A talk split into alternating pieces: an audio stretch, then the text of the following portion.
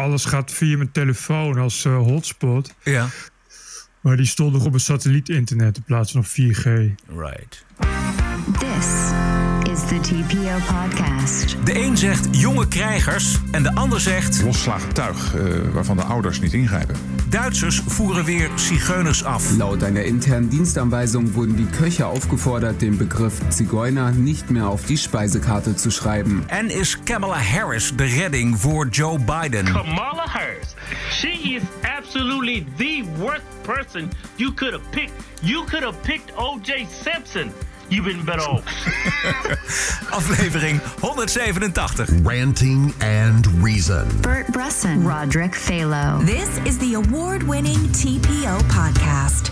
Op maandagavond 17 augustus. Mijn vakantiebestemming kleurde vrijdagavond oranje. Dat wil dan zeggen dat je vakantie verlengd sorry. wordt met twee weken quarantaine thuis. Dus wel alles omgegooid, Bert. Kon je nog cancelen zonder al te hoge kosten. Ehm, ik heb de vliegticket omgeboekt naar maart volgend jaar. En dan kom ik Oh, naar, ja. naar Gran Canaria. Dus ik heb ook de. Oh, heel verstandig. Ja, dat ga ik doen. En dan de accom- accommodatie krijg ik een voucher voor. En dat kan dan ook naar volgend jaar. Dat is ergens in de zomer.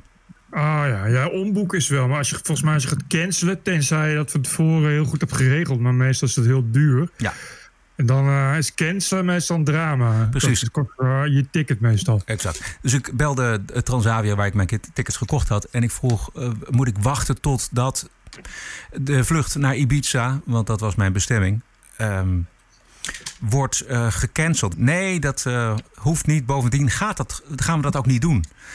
Eh, terwijl dus Ibiza oranje verklaard is. Dat vond ik, dus ik zei dat, van hoe kan dat nou? Dat je, hè, mensen gaan daarheen, komen terug, moeten dan 14 dagen in quarantaine. Waarom zou je daar nog op vliegen? A, zitten daar natuurlijk nog op dit moment mensen die terug moeten.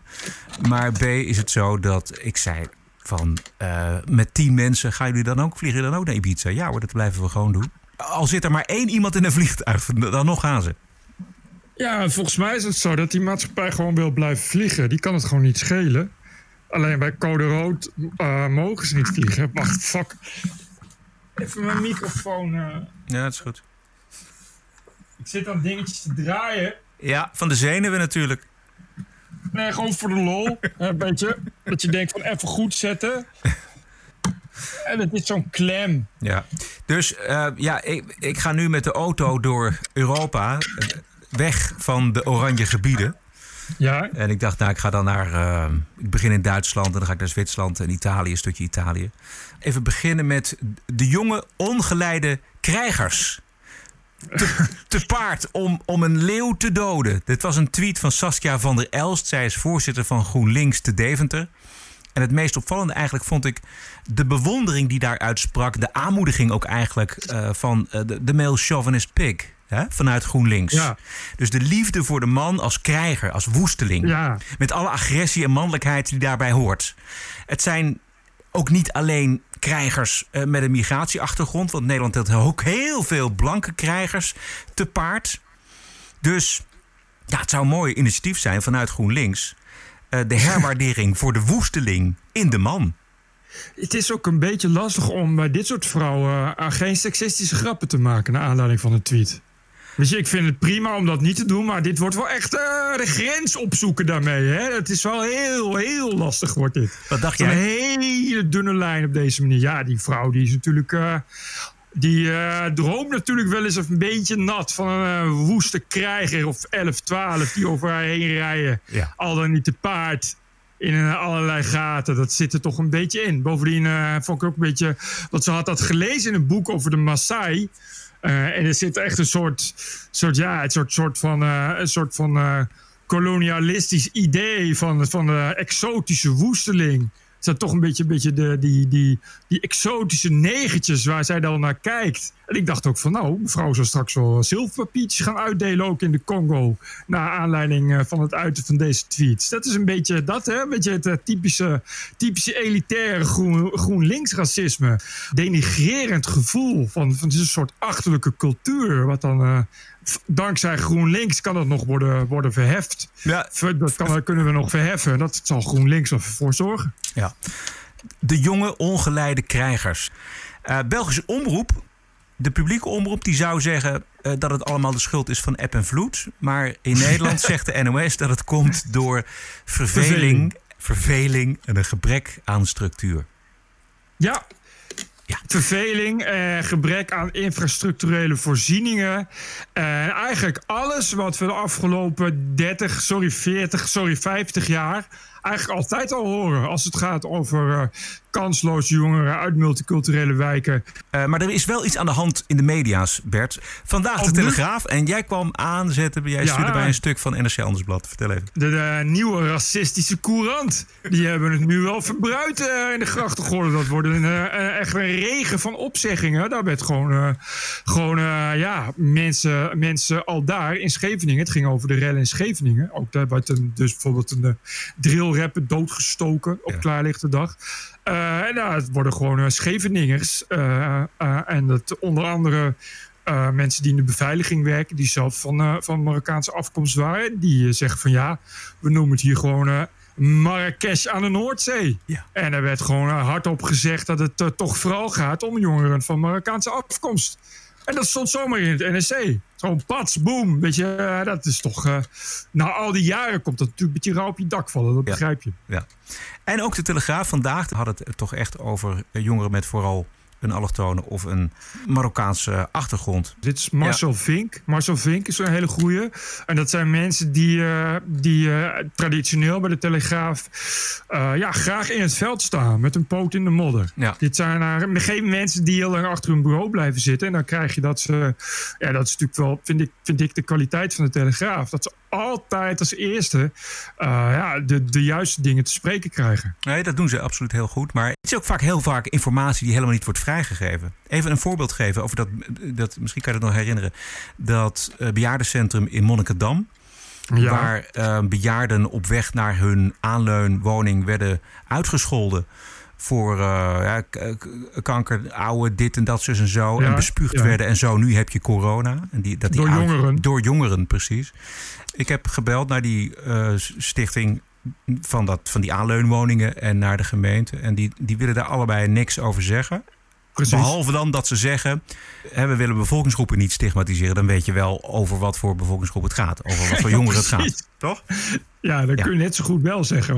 Ja, dan kun je het net zo goed wel Goed, zeggen. Het punt is dat, dat ook een krant als de Telegraaf m- meldt dat niet zomaar. Omdat het dus inderdaad het probleem is. Dat zag ik ze laatst beschrijven. Dat ze wel bellen met de politie.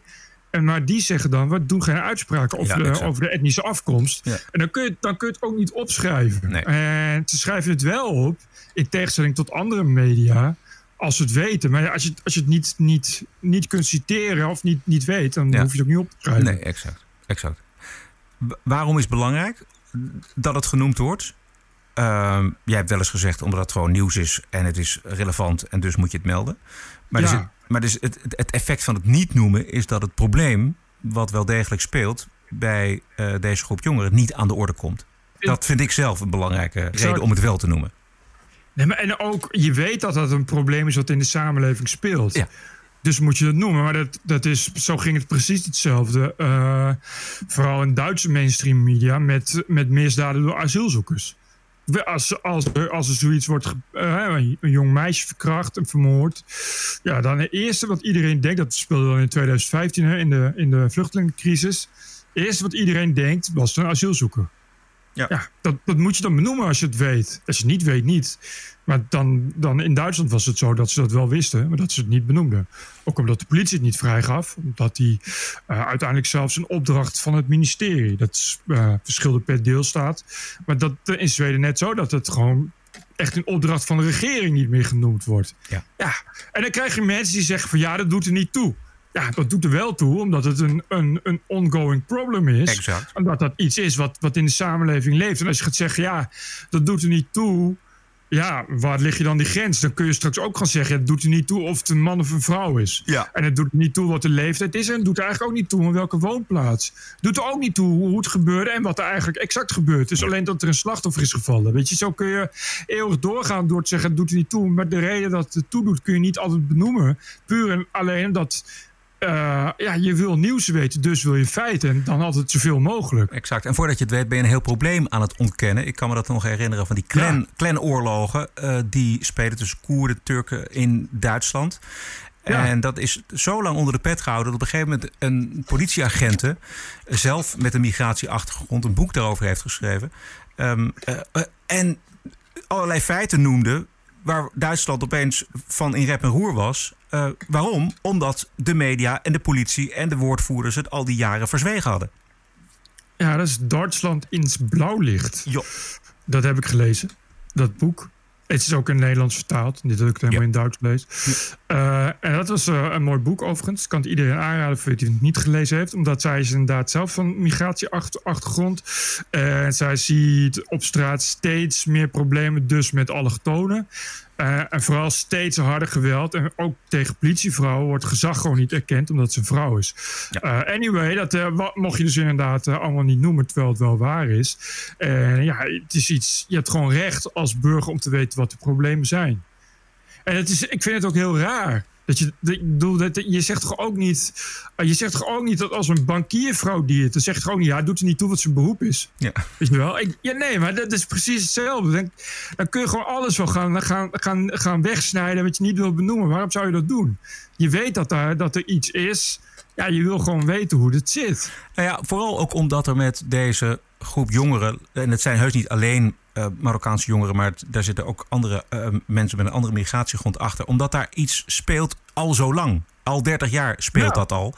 Ja. En eh, om even met de woorden van Rutte te spreken, wat is er in godsnaam aan de hand met die ouders? Losgeslagen tuig eh, waarvan de ouders niet ingrijpen. Dit is compleet zinloos, onacceptabel gedrag.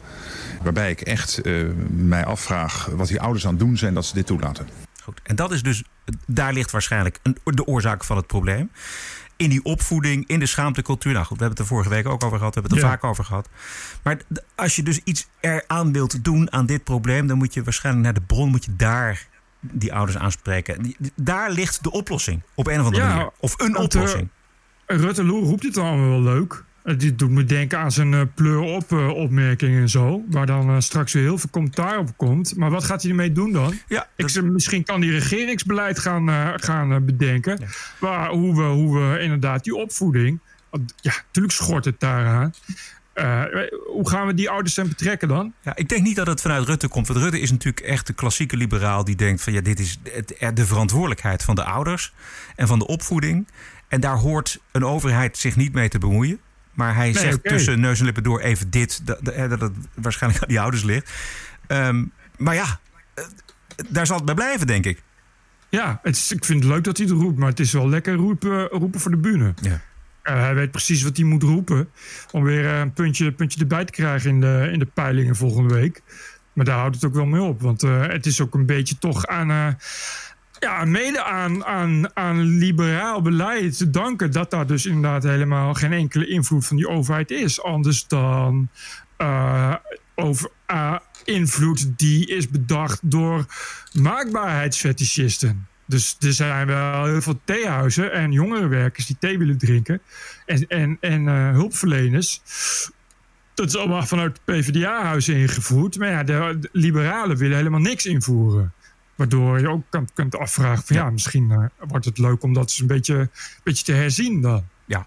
Ehm, eh, het is vaak een keuze in Nederland tussen eh, wat gaan we doen, handhaven of gedogen. De straat in Den Haag weet het wel. toch geen handhaven. Handhaven betekent een overvalwagen met mensen die erin zitten en die gaan erin. En als ze een grote mond hebben, pakken knoppen en slaan ze ze helemaal een tien in. Klaar. Is dat duidelijk? Harde hand. Harde hand gewoon. Want hun, hun luisteren niet, hun, hun hebben totaal geen respect voor wat wij hebben. Nee. Vooral dat laatste dan. Eh, ja, dit was zomaar even het grappige voxpop eh, van eh, de straat in Den Haag. Ehm, ik hoorde Klaas, Klaas Wilting, eh oud-politiewoordvoerder eh, Wilting, op Radio 1. Die zei ongeveer hetzelfde. Ik maakte al mee in de tachtiger jaren de grote problemen die er waren. Met name met bepaalde groepen jeugd en met name van Marokkaanse afkomst. We zien nu ook weer dat die problemen toch voor een deel ook weer daar vandaan komen. En het heeft te maken met dat men altijd maar aan het pamper is geweest en de zaak niet echt heeft aangepakt. Wat zij zeggen klopt. Dat, maar dat roept eh, iemand als Ahmed Marcouch ook al Ja. 100 jaar. Dat je dit soort lui, die verstaan de taal van geweld vooral. Eh, dus dan moet je keiharde repressie. De reden dat ze, kijk, de reden dat je in, in, in Den Haag op je scooter met je Marokkaanse vlag kunt rondrijden om te laten zien dat de straat van jou is, is omdat er geen, geen handhaving is. Omdat je weet dat die, dat, die, dat die toch niet komt. Dus ja, dit zijn lui. En dat vind ik echt. Ik vind echt dat je, dat je, dat je, je moet. eh, uit, uit Marokko moet je een team politie halen. Ja, dat, En- was, dat en- las ik ook ergens. Iemand die zei, van, dit, bedoel, dit flikken ze niet in Marokko. Nee, nee dat, dat moet je maar eens proberen dan, Marokko. Dan doe je dat één keer, dan doe je dat daarna niet meer. Omdat de, de politie in Marokko gaat niet eh, nog eens een keer zeggen... Heren, heren, zullen we even een gesprek voeren? Nee. Je, Die politie in Marokko die staat, eh, die staat al klaar aan het begin van je straat... als jij met je scootertje aankomt. En als je dan doorrijdt met je scootertje... dan gaat de politie van Marokko met, met hun knuppel gewoon los. Ja, maar Ja, i- ik, ik, ik vind wel... Ja. I- I- Ja. Mijn vraag is, is Nederland het land om zo te handhaven? Zij, Ah, nee, dus. nee, dat zijn we niet. Ik Als je kijkt, ik moet steeds regelmatig denken aan eh, die jongens, die Nederlandse jongens die nu in Praag in de gevangenis zitten voor een aantal Ja. jaren. Omdat ze een één barkeeper, een barman in elkaar hebben geslagen. Erg genoeg, maar die gaan daar voor jaren de bak in. Ja, Eh, dit soort rellen die we op straat hier in Nederland zien, die de internationale media halen, die vind je niet in Praag, in Tsjechoslowakije, eh, in andere Oost-Europese landen. Ja, als er een Nou, dictator niet- moet worden afgezet, dan wel. Maar niet, Ja, maar niet uit verveling of wat dan ook. nee, omdat dat gewoon niet... Hier ook niet. Nou, wel, wel, wel met... Dus met, eh, met een Nederlandse jongeren. Als het te heet is en als er geen corona is en is het veel gezopen. Maar dan krijg je dus ook videobeelden van jongeren die met rubberkogels worden beschoten. En, en uit elkaar worden gemapt. Omdat dat nou eenmaal is hoe je dat hier doet. Namelijk dat je als staat laat zien. Je kan heel veel doen, maar niet, niet gaan rellen. Want dan hebben we een, een machtig, een machtig ge- gemilitariseerd, semi-gemilitariseerd politieapparaat. Wat ge- gegarandeerd sterker en sneller is dan jij. En dan gaan we dat, dan gaan we dat je laten weten hoe we dat dan. Maar je, je hebt je hebt het over de, over de politie daar of over de politie hier? Nee, politie in, eh, hier in Spanje bijvoorbeeld. Oké, oh, dat bedoel je. Of, of, of in Italië. Weet je, toen dat is bijvoorbeeld in eh, Genua. Dat was toen de jaren geleden zo'n zo'n top, zo'n G8-top. Ja. Dus kwamen al die, al die, al die eh, antifa-maloten kwamen ook rellen. Nou, dat hebben ze geweten. Omdat dan de Carabinieri ook wordt ingezet. En alle verloven worden ingetrokken. Dus waren er ineens heel veel zwaar gewonden. Met een rubberkogel tegen hun hoofd. Je, dat is hoe het gaat. En in Ja. Nederland, in Nederland zijn ze daar te bang voor. Dan krijg je dat we daar, dat we daar zeggen van ja, maar goed, we gaan dan, eh, we gaan dan, we gaan dan gepast geweld gebruiken. Oké. En dat doen ze dus niet in Italië en Spanje. En in Marokko helemaal niet. Kijk, Ja, weet je, kijk, in Marokko is het natuurlijk ook zo dat je als je wordt opgepakt. Dan moet je maar hopen dat je niet wordt gemarteld, weet ik veel wat.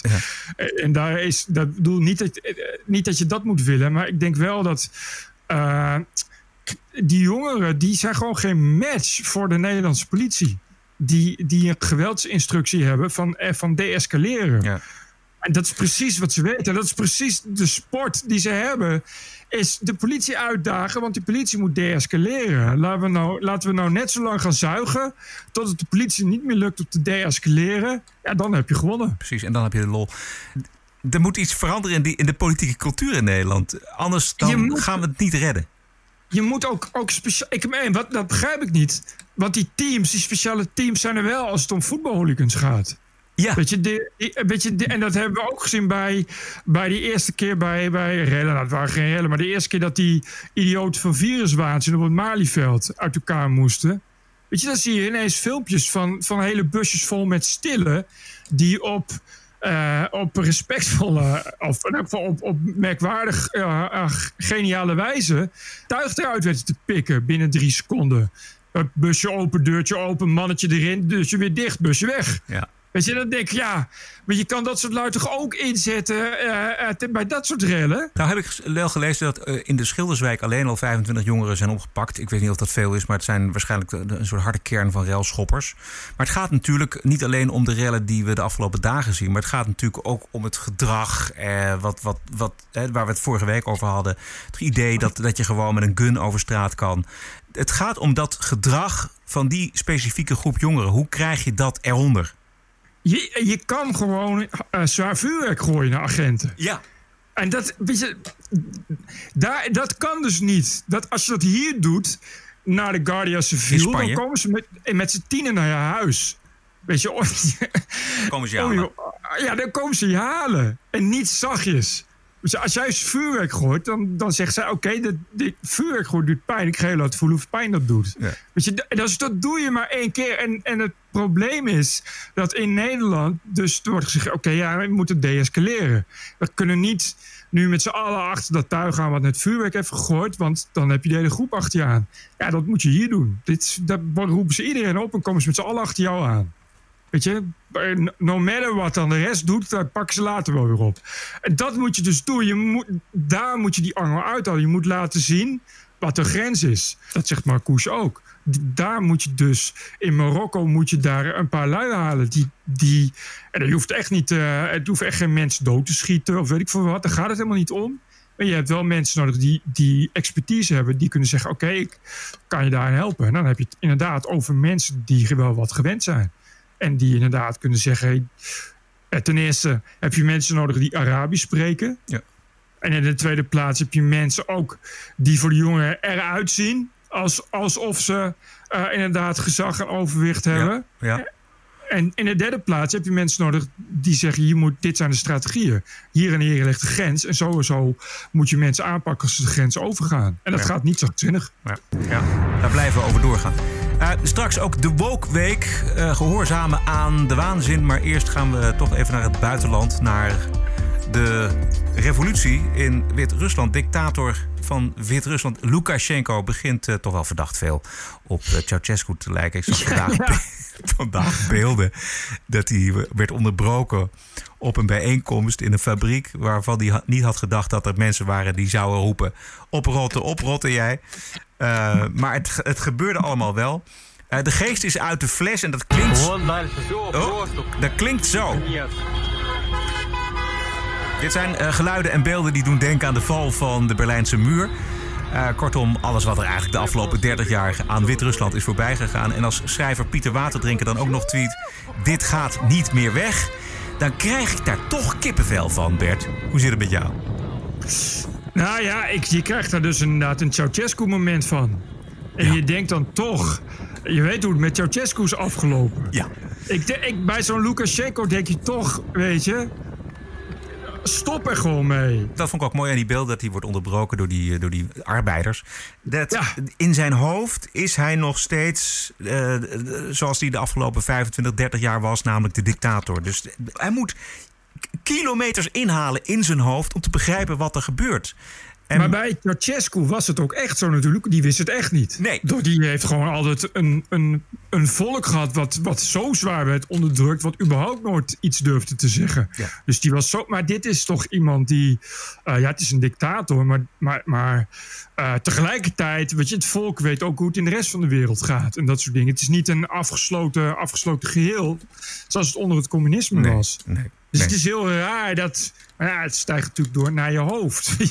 En zeker, zeker eh, als je de verkiezingen gewonnen hebt, net. Hè, afgelopen vrijdag kwamen de officiële uitslagen van die verkiezingen. Ja, met 80,1 procent. Dat kan, alleen maar, dat kan alleen maar oprecht zijn. Precies. Dus dat- de volk maar het staat dan massaal achter je natuurlijk. Ja, u kent die uitslagen wel. Ehm, zondag was het weer raak in Minsk. Eh, enorme menigte eh, bij een eh, groot kruispunt. En het, ik, wat ik mij opviel, Bert, was het grote verschil tussen Black Lives Matter en de Wit-Russen. Is dat de Wit-Russen keurig op de stoep en het gras blijven. En zo de wegen en het kruispunt ook vrij laten voor het verkeer. Keurige demonstranten. Houden ze wel anderhalve meter afstand ook? Nou, dat geloof ik niet. Zo zag het er niet Oh. uit trouwens. Oei, nee, die laat Jaap van Disselt maar niet horen dan. Maar ik weet trouwens niet zo heel veel van eh, Wit-Rusland. Nee, Kun je mij een beetje bijpraten? Of, Nou ja, kijk, Wit-Rusland was natuurlijk vroeger gewoon een onderdeel van de Sovjet-Unie. En toen de ja. Sovjet-Unie uit elkaar viel, eh, toen bleef Ru- Wit-Rusland ook over. En sinds de onttakeling van de Sovjet-Unie zit daar gewoon deze, deze man. En die eh, denkt gewoon dat het, eh, ja, dat het land van hem is. Nauwelijks corrupt natuurlijk. Ja. En er is een, Nauwelijks klepto, kleptocraat. Nee, totaal niet. En daarmee ook dus helemaal niet denken dat je daarmee een, een buitengewoon ontevreden bevolking produceert. Volgens mij ehm, is het echt een kwestie van dagen. Misschien al eh, als deze podcast uitkomt, dat is namelijk eh, dinsdag de 18e, dan, is er al, dan zijn we alweer ingehaald door het nieuws. Het kan best zijn dat hij deze week het loodje laat, volgens mij.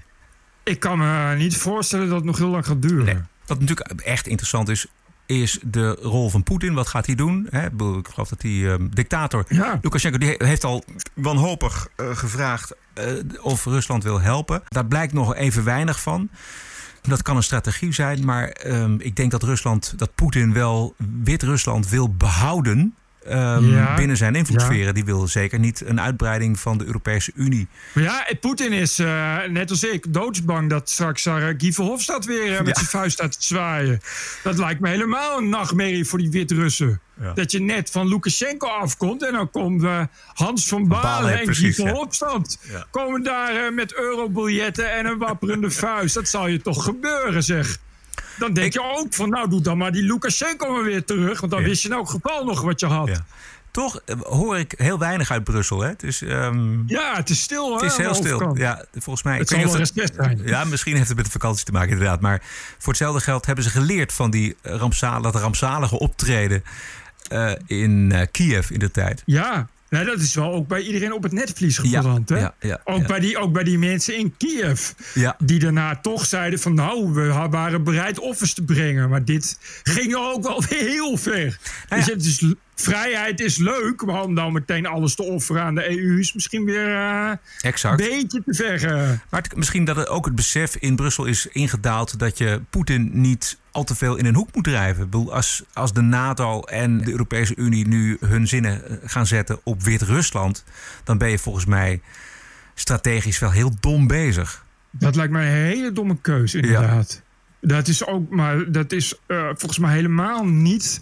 Eh, dat komt helemaal niet ten goede ook aan, eh, aan het NATO- en EU-beleid. Nee, jongen, die stabiliteit in Europa gaat er helemaal aan dan volgens mij. Want de invloedssfeer van Wit-Rusland, van Europa en NATO is volgens mij, eh, is volgens mij sowieso al nul tot nu toe. Dus ik Ja. geloof niet dat je daar veel te halen valt. Nee, nee, nee. Bert, laten we even weer terugkeren naar Nederland. Want vorige week de column van Max Pam. Daarin heeft hij gezegd eh, dat hij aangifte gedaan heeft Oh, tegen ja. GroenLinks volksmenner Sibren Kooistra. Ja. En Pam adviseerde in die column slavernijhoogleraar Piet Emmer eh, hetzelfde te doen in zaken NOS-verslaggever G. Eikhoff. Eikhoff die had in een Volkskrant interview over de racistische hoogleraar Piet Emmer. Eh, Serieus? Ja, die had dat gezegd zo op het eind van het interview. Piet Emmer vindt de slavernij dat die wel meeviel, had G. Eikhoff gezegd. Dat was. Max Pam ook opgevallen. Die had, dus, die had gezegd, ja, eh, Piet Emmer, ga nou een zaak beginnen tegen G. Eikhoff. Even los van of je hem wint of niet. Ik heb het ook gedaan met Sibren Kooistra, of ik doe het ook. Want ik ben gewoon benieuwd of mensen zomaar iedere dag voor racist uitgemaakt kunnen worden. Ja, ik vind. eh, ja. En- ja, ik, ik, Ja? ja? ga gaan. Nou ja, Nee, sorry. ik, we kunnen het er zo even uitgebreid over hebben. Maar even nog over Emmer. Eh, die heeft volgens mij niet gezegd dat de slavernij wel meeviel. Eh, er is, Nee, helemaal eh, niet. Nee, helemaal niet. Er is, hij heeft, er is namelijk berekend dat die bijdrage van de slavernij aan de Nederlandse economie meeviel. In de hoogtijdagen hooguit 5% van het BBP. En dat zijn geen berekeningen van Piet Emmer, maar van het Instituut voor Sociale Geschiedenis. Luister. Onlangs is er door het Internationaal Instituut voor de Sociale Geschiedenis een onderzoek uitgevoerd wat nu alle eh, activiteiten die met de eh, Atlantische slavernij te maken hadden, nu voor Nederland betekende. En zij komen voor het jaar 1770 op ongeveer 5 procent. Oké. Dus die Piet Emmer is heel erg, gewoon heel feitelijk. Maar het gaat eventjes, laten we even teruggaan naar Max Pam. En advocaat Peter Plasman, die dus nu eh, Ja. een, een zaak hebben tegen Sibren Kooistra. Daar kun je heel veel van vinden. Ja, ik ben er nooit zo, fan van om nou uh, uh, een strafzaak te beginnen tegen, tegen zo'n meningje op Twitter. Weet je, kijk, als je elke keer als die Sibren Kooistra iets debiels zegt, aangifte moet gaan doen, dan uh, kun je je aangiftes net zo goed vooraf gaan aanvullen. Weet je, en ik, ik, als ik die tweets van die Sibren lees, dan, dan ja, weet je, ik, het is meer een soort, soort, soort open GGZ-kliniek wat je dan leest. Een soort van psychose online. En ik denk dan van ja, ik zou gewoon zo'n zo'n gek gewoon, gewoon blokken. En, en ja, ik, het is meer een soort lachwekkendheid. Uh, en ik vind ook, weet je, ja, weet je, vrijheid van meningsuiting, dit heb je een beetje. Maar tegelijkertijd, uh, ik, ik zou er meer voor vinden, voor voelen, om, om daar een uh, civiele zaak, om een schadevergoeding van een euro te gaan, te gaan afdwingen.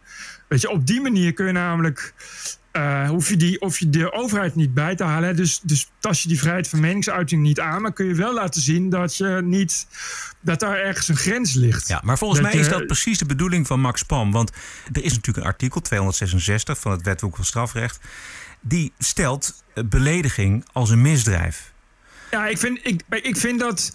Uh, ik vind dat het, dat het uh, bij iemand als Piet Emmer, weet je, vind ik het belangrijker. Kijk, Max Pam uh, ja, maar goed, Max Pam is zelf columnist en zo. Weet je, maar Piet Emmer, dat is gewoon, dat is gewoon een keurige ex-hoogleraar. En als je dan als, uh, nou, als NOS-icoon, notabene... Weet je, als je dan als serieus te nemen journalist dat soort dingen gaat zeggen, dan breng je ook gewoon die wetenschap in discrediet. Ja, dat is waar. Maar, en, en, ik maar, wetenschap. Ja, dat is waar. Maar in het geval van Max Pam kan ik me ook heel goed voorstellen dat het hem heel extra raakt. Ik ben zelf ook wel eens voor een racist uitgemaakt. En jij natuurlijk ook.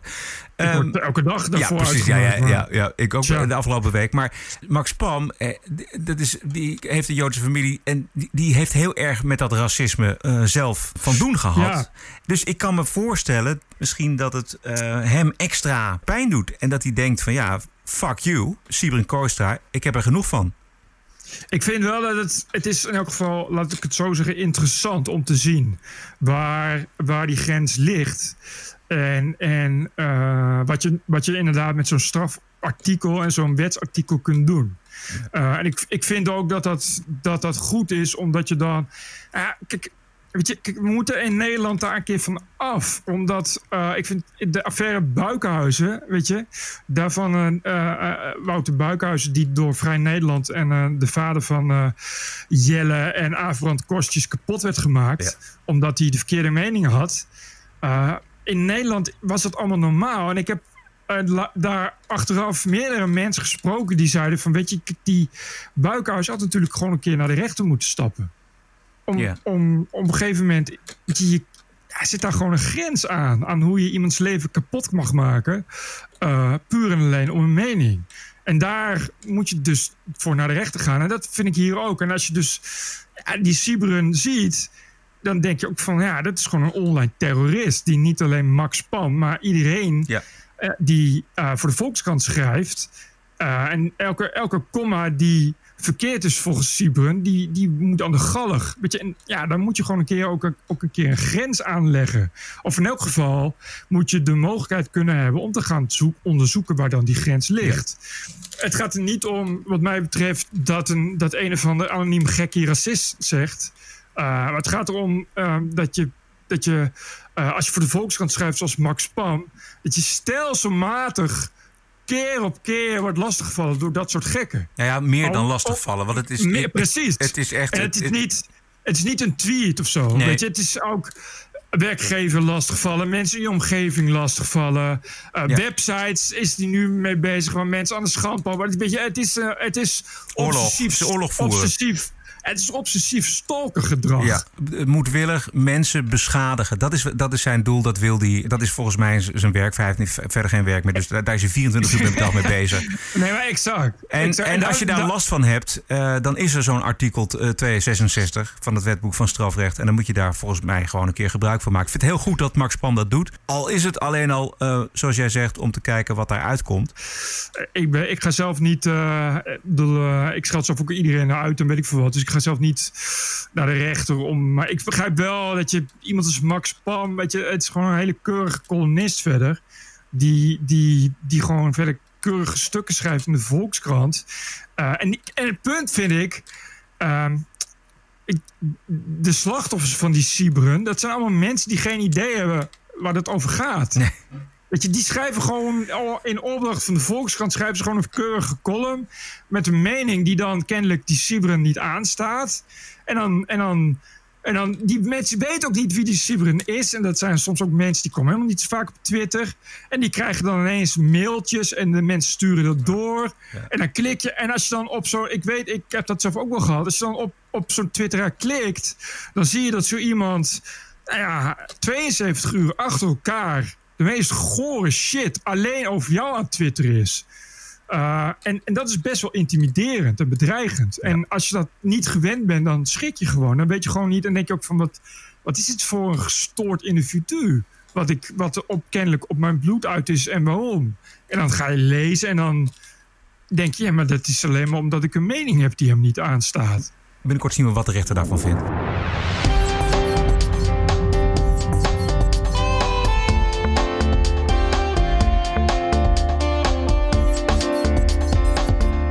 Laten we de Wokweek beginnen met Unilever, Bert. De Nederlands-Britse multinational die zo graag wil deugen. Pionieren noemt Hanneke Faber van Unilever dat. Kijk, onze merken horen gewoon niet thuis naast uh, absoluut onware beweringen of, of haatspeech. Hm. Um, maar aan de andere kant, we hopen ook af en toe een beetje te pionieren, zodat andere bedrijven misschien denken: nou, dat moeten wij ook doen. Maar wel 50 jaar racistische zigeunersaus verkopen. Uh, sorry, je bedoelt natuurlijk uh, paprika, pikante paprika saus naar Hongaars recept. voor beide Hongaarse, voor beide paprika uh, schnitzel naar Hongaars recept. Alleen in Duitsland, hè, in de schappen. Dat is, dat is volgens mij, is dat, uh, dat, ik weet niet of dat ook in Nederland gaat gebeuren. Maar Unilever heeft weer toegegeven.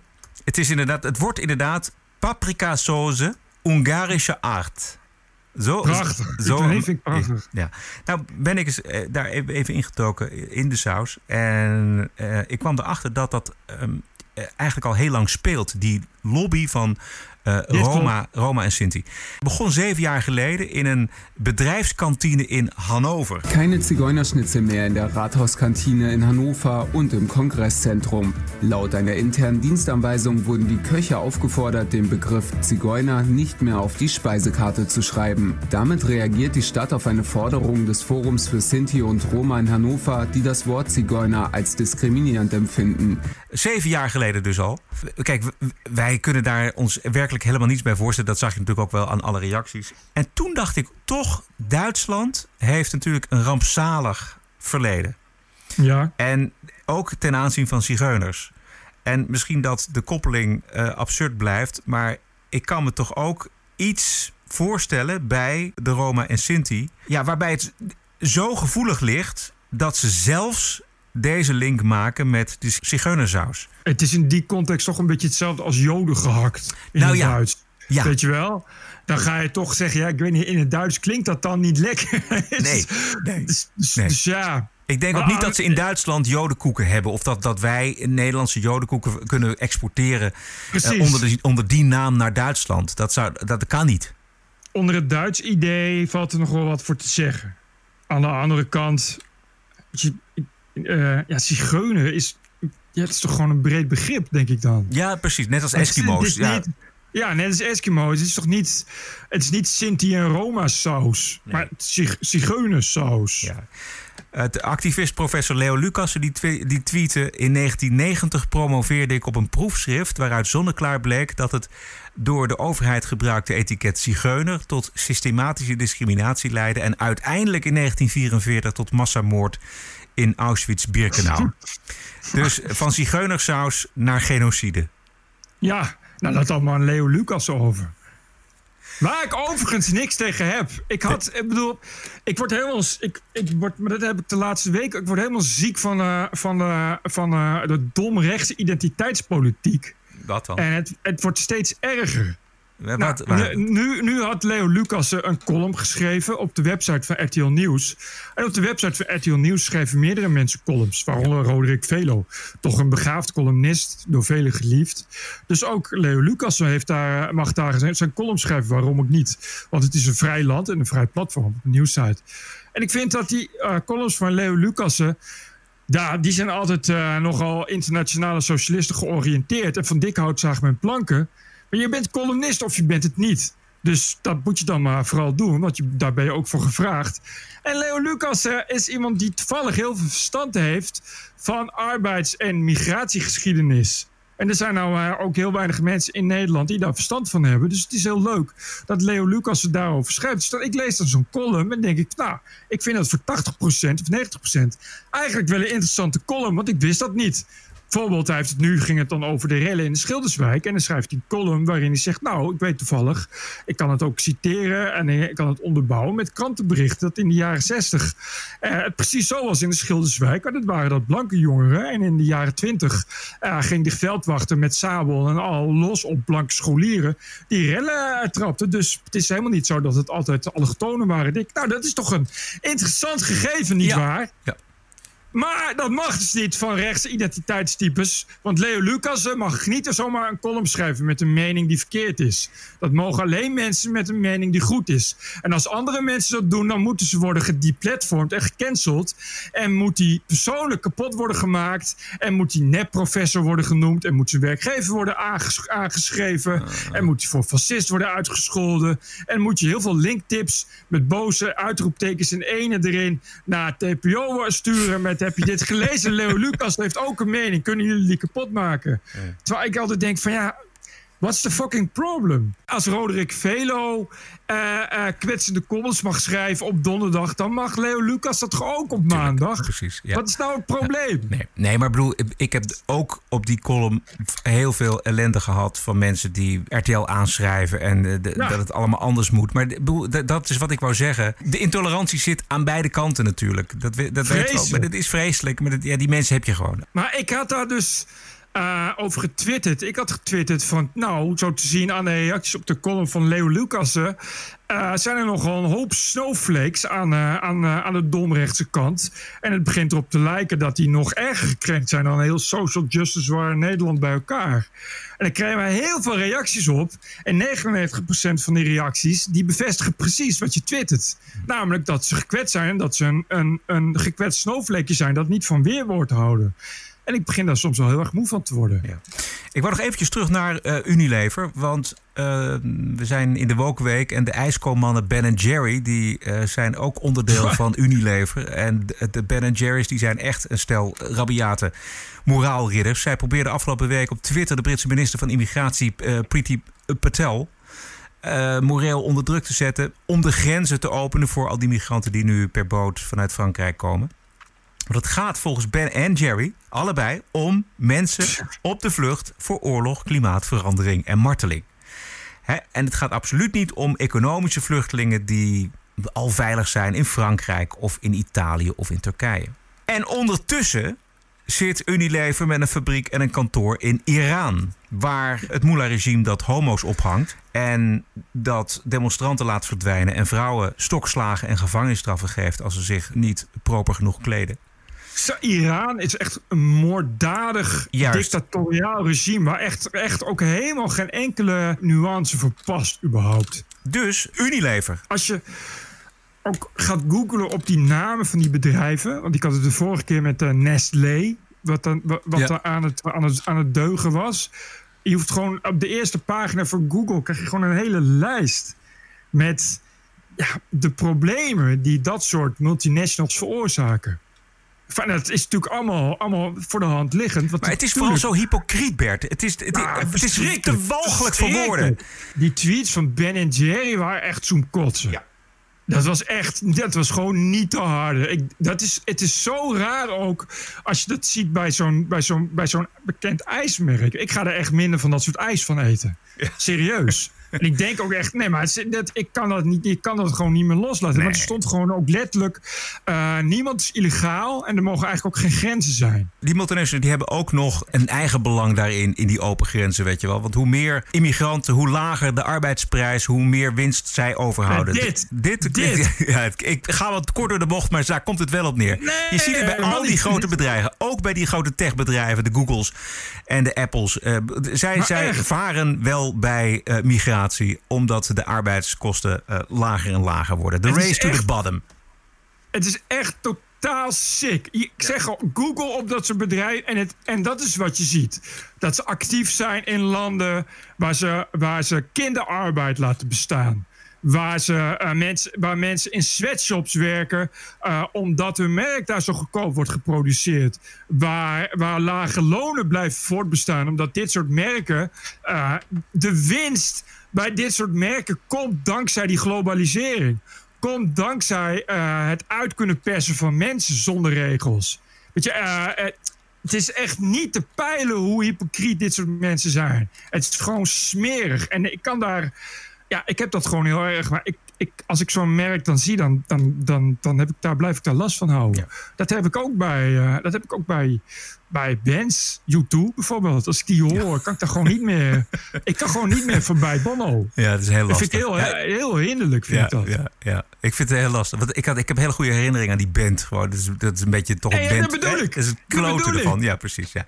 Nou, bij de Rolling Stones heb ik ook alleen maar goede in. Maar daar heb ik niet. Ik heb nog nooit gehad Nee. dat Mick Jagger... dat ik dacht van... eh, gewoon, Mick Jagger is weer een bos aan het aanplanten of zo. Nog nooit. Nee, nee, nee. Ik wou even naar het goede nieuws, eh, Bert. Ehm, we lezen er ongelooflijk weinig over. Maar het is toch echt een aardverschuiving in het Midden-Oosten. Israël en de Verenigde Arabische Emiraten die normaliseren de betrekkingen namelijk. En dat is echt heel groot nieuws. Het normaliseren van betrekkingen. Dat betekent ambassades, handel en misschien wel vriendschap. En de motor achter dit verdrag is de schoonzoon van Donald Trump. En dat is Jared Kushner. I want to start today by congratulating uh, the people of Israel and the people of uh, the United Arab Emirates. Today is a historic breakthrough and a great day for peace. I also want to congratulate President Trump on this milestone. He worked very hard on this with his team. Uh, we worked with Prime Minister Netanyahu and the Crown Prince Mohammed bin Zayed, who really are two visionary leaders who made a big step forward today to really change the region. Ja.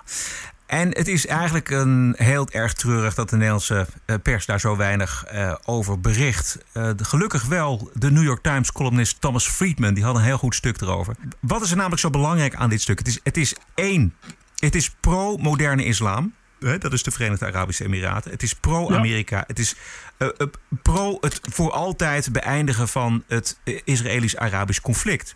Het- In, die overeenstemming staat dat Israël het annexeren van Palestijnse gebieden op de westelijke Jordaanoever bevriest. En eh, dat het gaat meewerken aan een twee-staten-oplossing. Het zijn allemaal hele kleine mini-stapjes, maar het is zo ongelooflijk groot. Waarschijnlijk eenzelfde overeenkomst komt er met Saudi-Arabië, want heel veel landen kunnen dan niet meer achterblijven. De grootste geopolitieke verliezers, dat zijn Iran, terreurbewegingen als Hezbollah en Hamas. Dat is de Syrische president Assad. Dat is de Islamitische Jihad. Dat is Turkije. Ik las in de Washington, moet je in de Washington Post, de meest vijandige, Trump-vijandige krant, eh, iemand schrijven dat dit eh, Trumps zijn Nobelprijsmoment is. Yep. Ja, weer. Dat hebben we al gezegd bij Noord-Korea. En nu doet hij het weer. En dat is, dat, is niet, dat is van belang. Want dit gaat ook echt heel erg van belang zijn in de toekomst. Ja. En ja, je kom, ontkomt daar niet aan. Het is heel raar dat dat ja, een beetje wordt genegeerd en wordt gedownplayed. Ja, het is natuurlijk succes van Trump. Dat, dat, dat Ja. is niet het verhaal. Ons verhaal Als- is niet het succes van Trump. Als het Obama was geweest, dan Oh. hing nu al lang de vlag uit. Nou. Weet je? Dat was het hele week feest. Ja. En dat is. En, en, dat, is dat, en dat maakt het best wel, vind ik het wel echt. Dat is gewoon tragisch. Dat, dat, dat de pers er echt zo, zo in zit. Zo overduidelijk ook. Ja. Ja, heel, ook weinig achtergrond, weinig vertellen over wat het inhoudt. Het enige het goede stuk wat ik gelezen heb is die van Thomas Friedman. Zullen we gaan waarderen en doneren, Bert? Ja. De TPO-podcast. Een eigenzinnige kijk op het nieuws en de nieuwsmedia. Elke dinsdag, elke week, het hele jaar door. Zonder reclame, zonder een cent subsidie. 100% onafhankelijk. Wat is het jou waard? Word lid van de TPO-tribe. Kies zelf een bedrag of kies 52 euro per jaar. En dat is maar 1 euro per week. De TPO-podcast. Wat is het je waard? Ga naar tpo.nl slash podcast. En wil je je donatie toelichten, dan eh, heb je commentaar. Ons e-mailadres is info.tpo.nl. We weten dat het eh, zomervakantie is, dus, eh, maar mis- misschien hebben er toch nog mensen geschreven, Bert. Nauwelijks. Eh, twee, maar waarvan één is al heel oud, maar die was ik vergeten voor te lezen. Dus die mailde mij van, wil je mijn mail niet voorlezen? Eh, maar die had ik ook op het hoofd gezien. Dus Ja. voor, sorry. Is van eh, eh, Matthias Bunt. Beste Bert en Roderick, al meer dan een jaar luister ik met groot plezier naar jullie geweldige podcast. En nu acht ik de tijd rijp om toch maar eens een korte mail te sturen. Nogal gewaagd, want het zal moeilijk worden om aan het niveau van de gemiddelde voorgelezen e-mail te kunnen tippen. Daar moet ik vaak bijna, namelijk bijna net zo hard om lachen als om de gemiddelde rent van Bert. Ik ben het als Calvinistische conservatieve Veluwnaar natuurlijk niet altijd met jullie eens. Maar het is een absoluut genot om naar jullie vlijmscherpe en 100% onafhankelijke analyses te luisteren. Om jullie project te ondersteunen heb ik daarom weer een leuke donatie gedaan.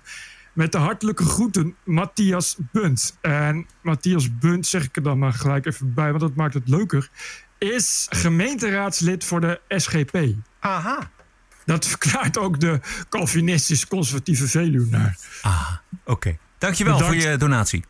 Eh, En de andere is, even kijken, van Erwin Garts. Teach voor de moeite, misschien maak ik je wel groot van. De groetjes, Erwin Garts. Erwin, dankjewel voor je tientje. Heel goed.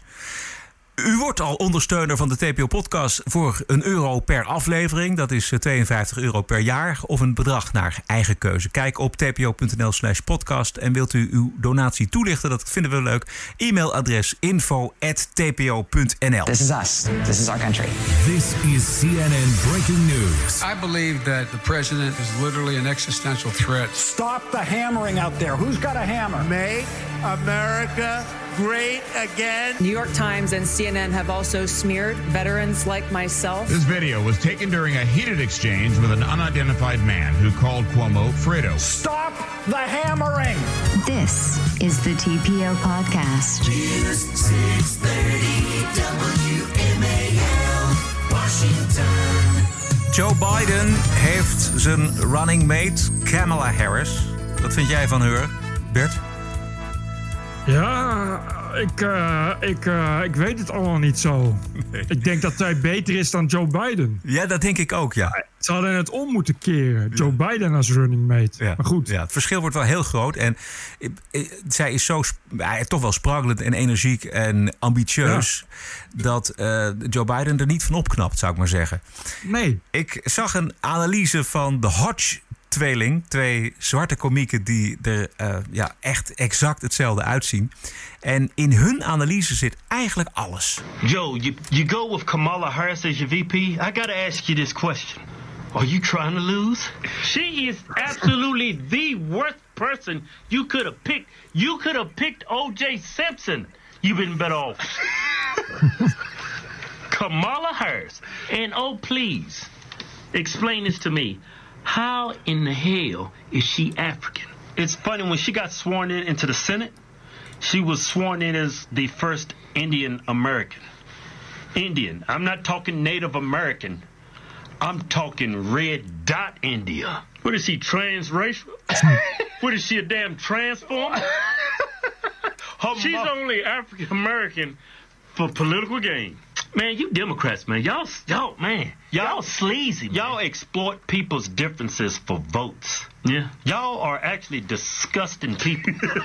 Let me explain something to you. She's not African American. Not even close. Her mama's from India.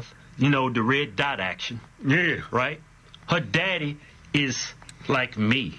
Okay. How do you take me and a red dot in it and come out with a full blown African American? in what world? Yeah, I know. In the Democrat world, you can switch genders, and hell, Kamala's proof you can switch races. How do you end racism with more racism? Yeah. And how do you trying to get more black votes by naming Kamala Harris as your VP? Black people hate this woman.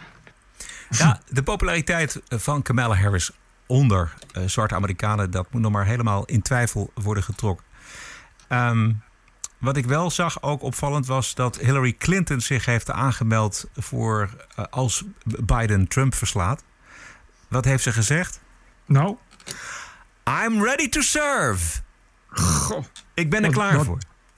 Als je dacht dat het dieptepunt eh, van de journalistiek in Amerika bereikt was, dan kan het toch altijd nog dieper. Dit is een verslaggever die Trump een vraag mag stellen. En dan stel je deze vraag. Please. Uh, Mr. President, after three and a half years, you regretted all all the lying you've done to the American people. On All the everything. All the lying, all the dishonesties.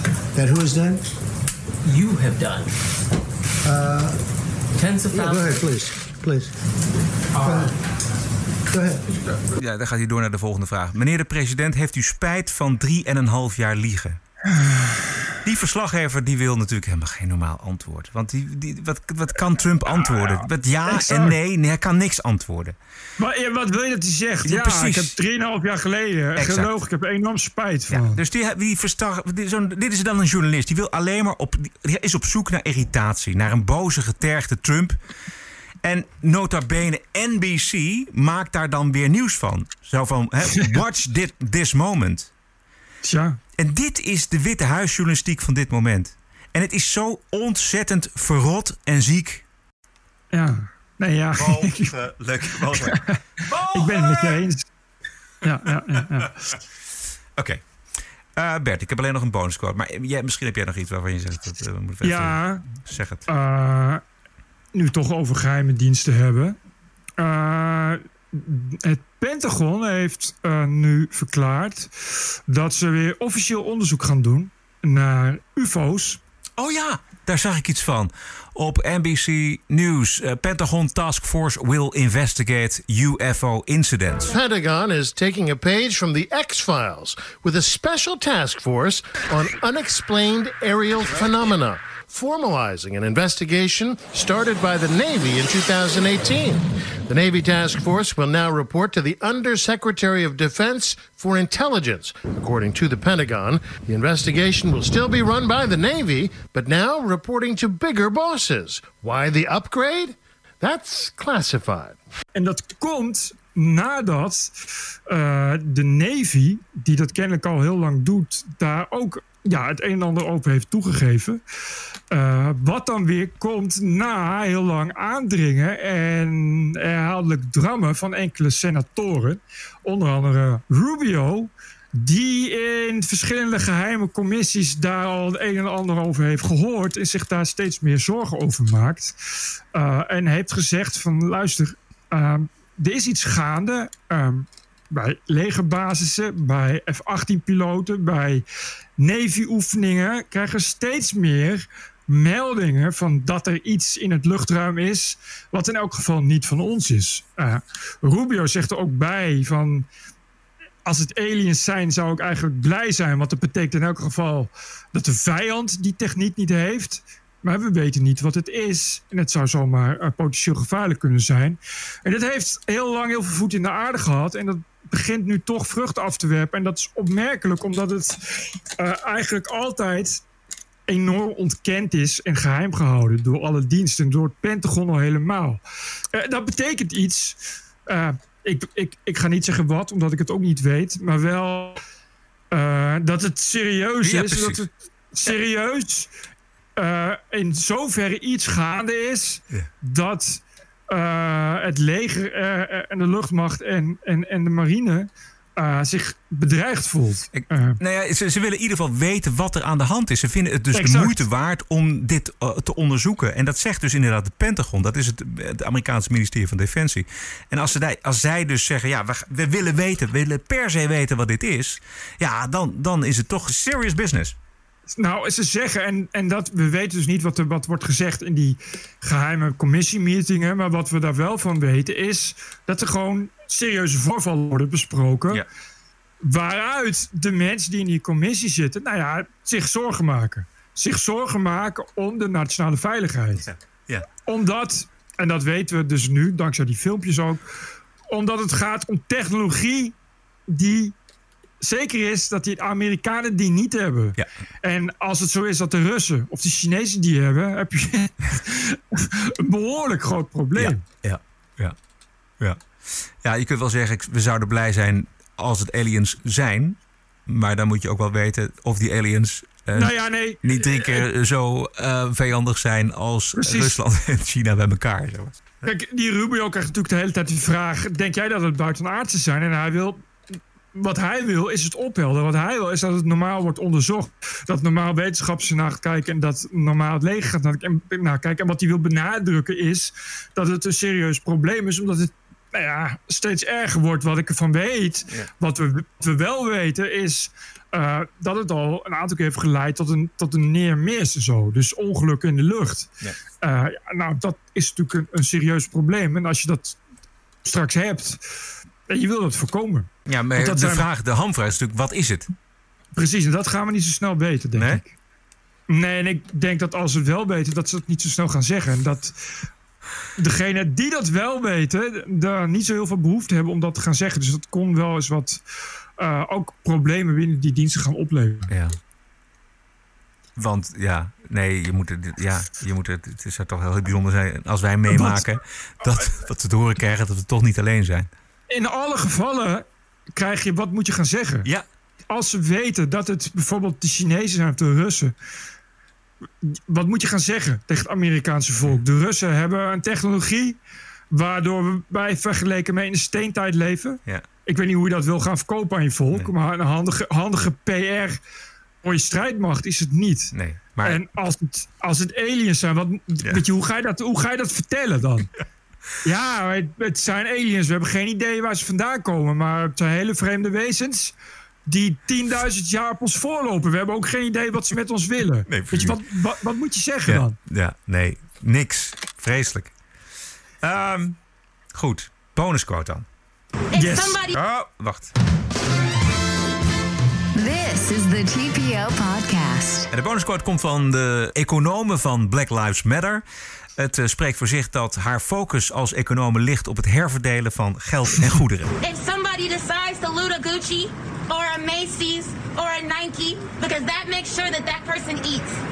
That makes sure that that person has clothes. That's reparations. Anything they want to take, take it because these businesses have insurance. They're going to get their money back.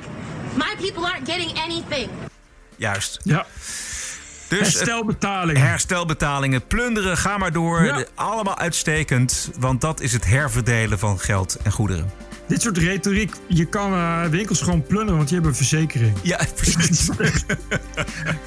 ja. Echt, what the fuck? Eh, Ja. ja. Tot zover, aflevering 187. Wij bedanken iedereen die deze week gedoneerd heeft aan de TPO-podcast. Dat kan anoniem, dat kan ook met naam en toenaam. In dat laatste geval laat het ons vooral weten in een berichtje. Ons adres is info.tpo.nl. Financiële ondersteuning hebben we nodig. Kijk op tpo.nl slash podcast.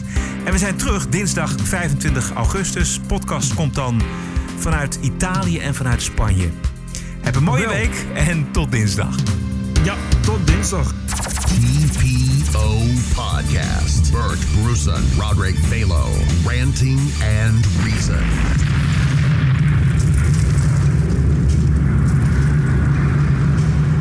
Is this true? Yes, it's true. Podcasting is The TPO podcast in the Netherlands. Bert and Roderick. what a show. I'm telling you.